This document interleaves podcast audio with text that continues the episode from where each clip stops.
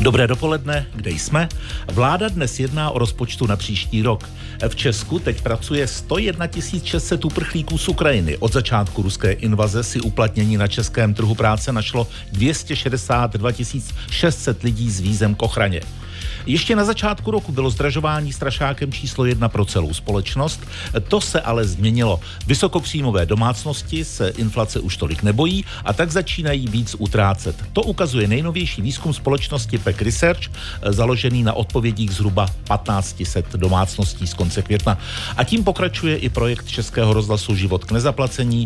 U mikrofonu je také sociolog Daniel Prokop. Dobrý den. Dobrý den. Život k nezaplacení. Unikátní projekt radiožurnálu do složitých ekonomických časů. Začneme, Danieli, tou aktuální vlnou výzkumu. Mm-hmm. Na koho nejvíc eh, dopadl ten rok a půl inflace? Začněme místopisně u regionů. Eh, u regionu eh, ještě bych řekl, že poslední měsíce vlastně je taková stagnace stavu těch domácností, protože inflace už meziměsíčně moc neroste, zároveň ty příjmy nerostou, takže proto jsme zkoumali efekt nebo ty dopady za ten rok a půl s inflací. A u regionu hodně se to dotklo lidí z chudších regionů, z Karlovarského ústeckého kraje, kde vlastně, oni vlastně doplácí na to, že mají nižší příjmy uh, a zároveň uh, ty výdaje na bydlení tam narostly uh, podobně jako ve zbytku republiky, protože ty výdaje na bydlení prostě rostly všem díky těm energiím. Zároveň v těch chudších regionech jsou častěji takové ty jako energeticky neefektivní byty a domy, takže v tom mám to energie hmm. nerostou hodně. Takže tam Uh, jo, takže v těch chudších regionech uh, například uh, počet lidí, kteří, nebo domácností, které hospodaří na nule měsíčně, narostl v těch našich datech teda uh, asi na 44% a před rokem a půl to byla čtvrtina, jo, takže uh, jako relativně velký hmm. nárůst, byť je tam nepřesnost, protože těch respondentů už tam v těch regionech není tolik v tom panelu. Hmm. A potom zajímavé, jakoby, že e, další zásah byl v Praze, e, protože tam se jako zase kombinuje to, že narostly ty úrokové sazby, což se projevuje do nárůstu e, cen hypoték, respektive to, kolik platíte za ty úroky. A když si to někdo refinancoval nebo má novou hypotéku, tak mu výrazně narostly ty náklady na bydlení z tohoto důvodu a narostly nájmy, protože v Praze jsou jako řádově vyšší a když to procentuálně roste, tak uh, ty jsou citelné ty dopady na ty chudší domácnosti. Takže tam je, taky, uh, tam je taky zásah, ale v Praze je mnohem méně lidí, kteří třeba uh, domácností, které nic neušetří měsíčně. To je nějakých 30%. Jo? Takže tam je spíš zásah v Praze na snížení té původně jako velmi vysoké kupní síly tou inflací. Lidé s vysokými příjmy se teď víc než inflace obávají rozpadu demokracie, hmm. vlivu dezinformací a posílení extremistických nálad ve společnosti. Za největší hrozbu to považuje podle dat z vašeho výzkumu 54% vysokopříjmových hmm. Čechů. Z, pohledy ekono, z pohledu ekonomiky je to dobrá zpráva? Že už se nebojí tolik, eh, že schudnou? No, eh, ten trend je takový, že třeba na podzim se ty uh, sociální třídy, nízkopříjmový, vysokopříjmový, shodly na tom, že ten, eh, ta, to riziko číslo jedna je inflace. Jo? Ve všech hmm. skupinách kolem 70% nebo 65 až 70 říkalo, že to zdražování inflace je vlastně největší riziko, kterému Česko čelí. A mezi tou horní pětinou zhruba domácností to od listopadu nebo od prosince začalo hodně klesat protože to zdražování se zastavilo, pro ně ty ceny už jsou jakoby relativně přijatelné dneska. Uh, a já myslím, že to je spíš riziko v tom, že uh, vidíme taky, že uh, oni méně se orientují na uh, naše šetření. Na šetření ve spotřebě, uh, nákupu potravin, uh, šetření energií. Samozřejmě je riziko, že uh, jakoby se zá rozdělí ta společnost v interpretaci hmm. uh, té ekonomické situace. Jo? Že na podzim řekl bych, že ještě jako všichni chápali, že to má velké dopady na ty chudší lidi. Ten další podzim možná už uh, bude neschoda v tom, jestli to je velký problém, jo? Ty, ty ceny. A za druhé... Možná se ty lidé budou lišit v tom eh, zda, hmm. anebo jak s tou inflací bojovat. Právě, budou se lišit v tom, jak, jak v tom bojovat, jak, jak s tou inflací bojovat, budou se lišit v tom, Uh, jestli uh, si tu spotřebu můžou dovolit. Ta spotřeba samozřejmě podle ekonomů souvisí uh, jakoby s udržováním vyšší inflace. A teď, jakoby, když to udržují ty vyšší třídy, tak samozřejmě to má dopady potom ta inflace na ty nižší uh, příjmové skupiny. Jo. Takže je to otázka pro politiky, jak designovat třeba daňové opatření, aby tohle zohledňovali. Že klesla, e, narostly problémy mezi, ekonomické mezi zejména chudší polovinou domácností s dětmi. Tam jako narostl počet e, lidí, kteří nic neušetří z 28%, e, pardon, z 29% na 55% za ten rok a půl v té chudší polovině domácností s dětmi. Tahle ta e, část společnosti už hodně šetří, pořád ta inflace je pro ní problém, ale, ale roste skupina lidí, pro kterou už ta inflace není zase takový velký problém, pokud nebude dále hmm. růst. Jo. A to by, měly podle, to by měla ta opatření podle mě zohledňovat, mm, prostě v oblasti těch daňových reform, v oblasti e, jako cílenějších podpor e, a podobně. Hostem rozhovoru v rámci projektu Život k nezaplacení je sociolog Daniel Prokop. Život k nezaplacení.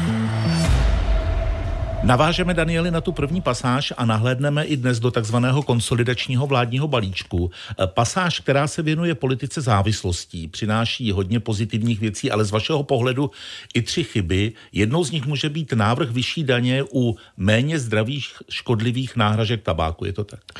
Já vycházím z toho, co říkají uh, i adiktologové. V podstatě tam je schoda v těch, co jsme skonzultovali, uh, i v, uh, s tou skupinou zdraví v nervu že jakoby zatížení tabáku je pozitivní, protože eh, to, že kouříte, má dopady na zdravotnictví, má to dopady na výpadky z práce, eh, díky čemuž jakoby trpí ekonomika.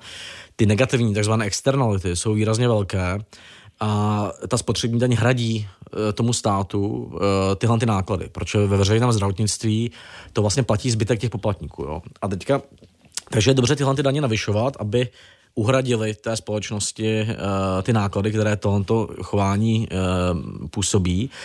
Ale je tam druhý jakoby kontext, že podle adiktologů, uh, podle odborníků by ta danění mělo hodně zohledňovat míru, míru té škodlivosti a mělo by být výrazně velké u toho páleného tabáku, cigaret, potom menší u toho zahřívaného a nejmenší u těch e-cigaret, u těch náplní, žví, případně žvíkacího tabáku, protože tam je nějaká jako posloupnost té škodlivosti podle adiktologů. A teď vláda by to hodně zvyšuje u těch, e, i u těch nejméně e, škodlivých náhražek, kde jako není ten cigaretový kouř, který je nejvíc karcinogenní podle odborníků.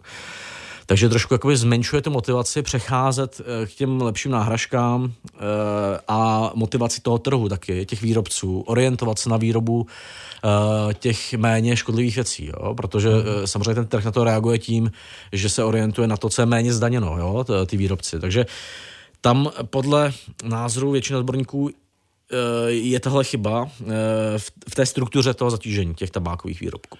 Když přejdeme alkoholu, teď myslím jenom verbálně, hmm. tichá vína a obecně ten nepoměr v danění alkoholu hmm. v České republice.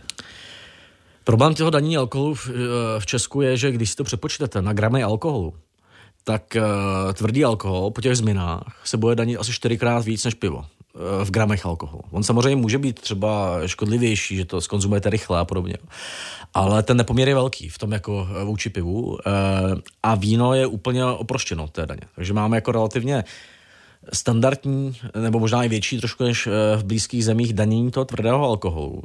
A zároveň jakoby ten výpadek u těch vín a stagnující už asi 13 let spotřební daní u piva. A to samozřejmě vede k tomu, že ta celková politika e, boje proti alkoholismu jako není funkční, protože ty lidé budou přecházet e, od toho tvrdého alkoholu k těm levným krabicovým vínům. Jo. Dneska, když si koupíte 2 litry za těch 45 korun, tak e, jako by to výrazně levnější než e, ta půl litrovka e, tvrdého alkoholu, nejlevnější. Hmm. Jo.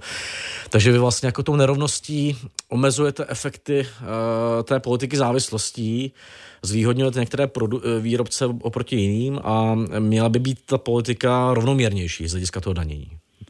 A když už jsme tedy u těch eh, závislostí, tak eh, výnos z hazardu by podle, legislativně hmm. se tomu říká přílepek, podle toho přílepku měl směřovat k obcím. Co to? Tam nebo jak to jsou je? pořád jako diskuze. Původní ten návrh řekl, říkal, že výnos z hazardu, že to půjde státu prostě. Jo? Dneska to jde obcím. Nevýhoda uh, toho, když to jde těm obcím, je toho, že samozřejmě ta obec je motivovaná tam postavit tu hernu. Ten tvrdý hazard má prostě obrovské negativní důsledky na rozpady rodin, zadlužení, kriminalitu a teda.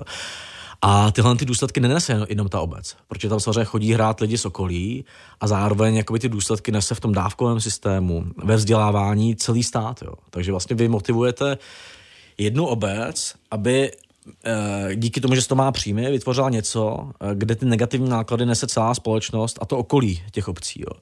Takže eh, to je podle mě jako systémově špatně. Mělo se to změnit, což jsem kvitoval. Potom tam vznikl přílepek, že se to znova nechá těm obcím, což je podle mě velká chyba. Teďka se tam nějak jakoby znova diskutuje, že by to aspoň z online, online hraní šlo status a uh, u těch uh, kamenných heren se to rozdělilo. Ale podle mě jako nejlepší by bylo, aby to šlo jenom státu. Uh, potom jsou varianty hmm. typu, někdo navrhuje, že by to šlo nějakému širšímu území, jo, část to, třeba k tomu kraji, jo. Uh, ale jakoby obecně chybně podle mě motivovat uh, obce, aby uh, dělali něco, kde ty uh, negativa nese celá společnost. Jo. To je jako byste měl výnos té spotřební daně z alkoholu, který se tam vypije v té obci, by měla ta obec, tak samozřejmě by to motivovalo prostě jakoby eh, k, k prodeji alkoholu a potom eh, ty negativa toho prodeje nese celý ten stát, jo, jako, eh, ty negativa na to zdraví a tak. Tak to je to samé u těch heren a je to jako nesystémový krok. Jediný, co jakoby je relevantní argument, že existují příhraniční herny, kam chodí hrát i turisti a nemá, e, nemá to jako dopady na tu českou společnost a to jde vyřešit nějak specificky, ne e, systém, který jako rozkládá, e, rozkládá e, a dělá velké jako negativ, negativní efekty e, v těch regionech. No. My jsme v našich rozhovorech hodně probí, probírali potřebné anebo už naplánované reformy ale občas bychom si měli taky říct, jestli je možné šetřit rychle. Mm. To znamená, eh, se chci dostat k tomu tématu, eh, o kterém vy často přemýšlíte, o tom možném zastropování různých transferů a tak. Tam vlastně vláda se dostala podle mě do situace, kde řekla, že nezvyš, nezvýší moc daně, takže ty daně klesly o 150 miliard za poslední tři roky a teďka zvyšujeme o 70. Takže nechce jít jakoby tím cestou zvyšování daní a zároveň jako říká, že bude šetřit tak, aby se to nedotklo moc lidí. Jo. A teďka to je potřeba, ta reforma státní zprávy v oblasti té samozprávy, eh, efektivity ministerstev, ale nedá se to udělat přes noc. Jo? To prostě musíte připravit ty audity a podobně. A vlastně z toho podle mě vynecháváme z toho rychlého šetření možnost šetřit na těch transferech, protože uh, Máme některé dávky jako příspěvek na bydlení, které se tak rozšířily, že průměrná výška už je asi 5800 korun. Vy tam můžete mít příspěvek klidně 10-15 tisíc.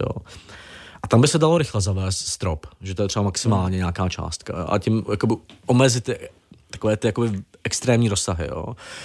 To samé e, máme hodně dávek a typů e, transferů, které se kombinují, takže e, čerpáte starobní důchod, k tomu příspěvek na péči, uh, důchod a výsluhy, prostě když jste z nějakých těch profesí, které mají výsluhy, nebo kombinaci všech těchto těch věcí. A ten stát moc neskoumá jakoby efektivitu souběhu těchto těch uh, typů podpor.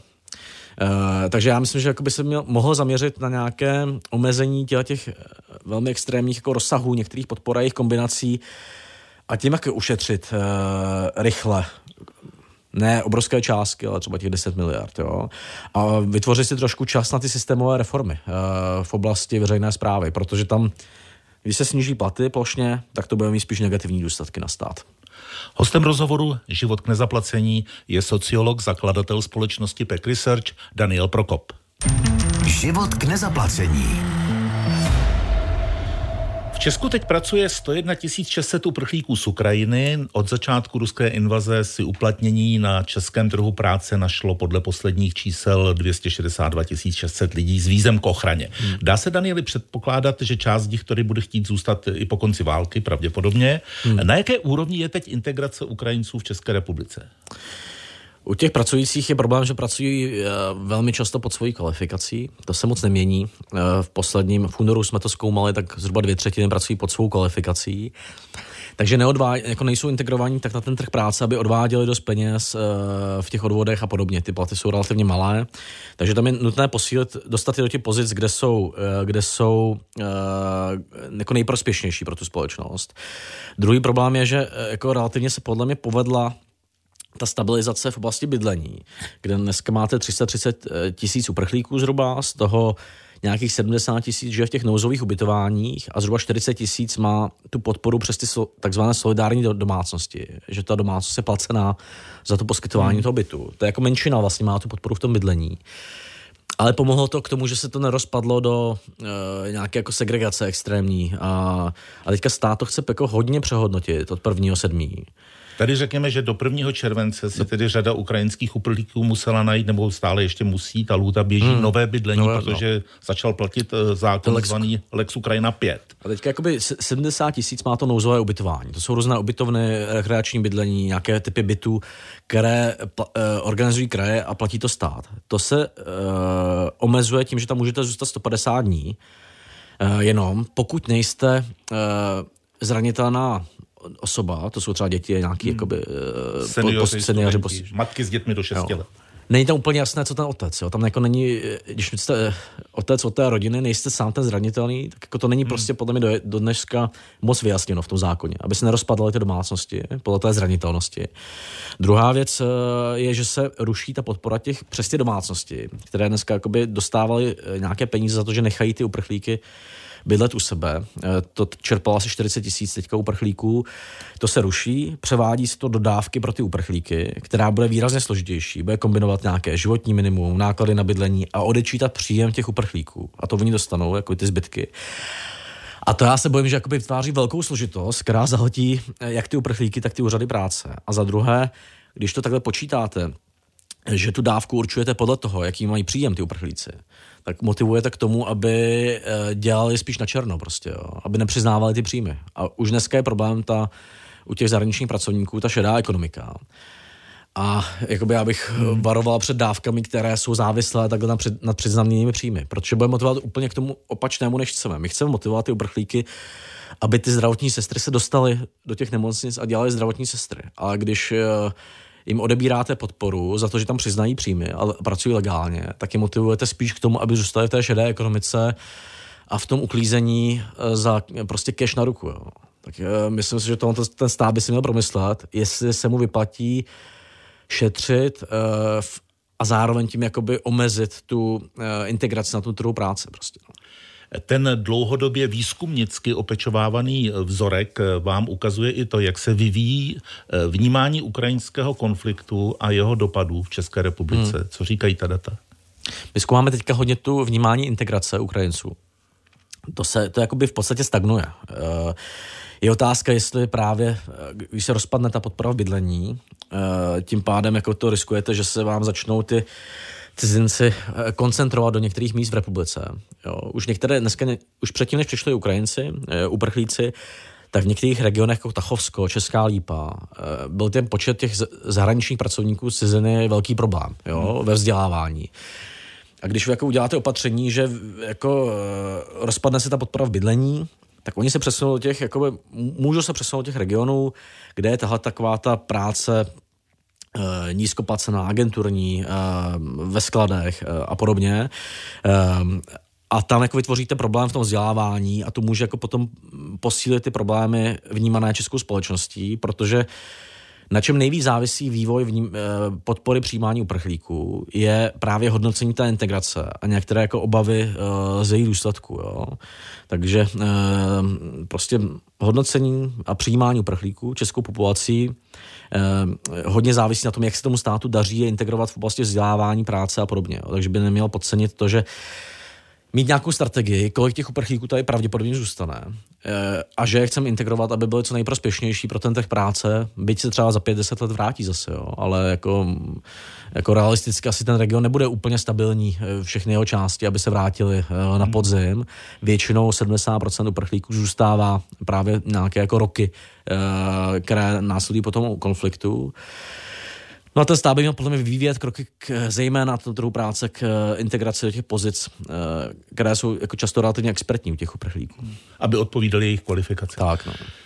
Hostem rozhovoru Život k nezaplacení byl sociolog eh, z agentury PEC Research Daniel Prokop. Daniel, děkuji za data, za odpovědi. Mějte se hezky, sejdeme se zase příští týden u tohoto mikrofonu radiožurnálu a Českého rozhlasu Plus. Jan Pokorný přeje dobrý poslech.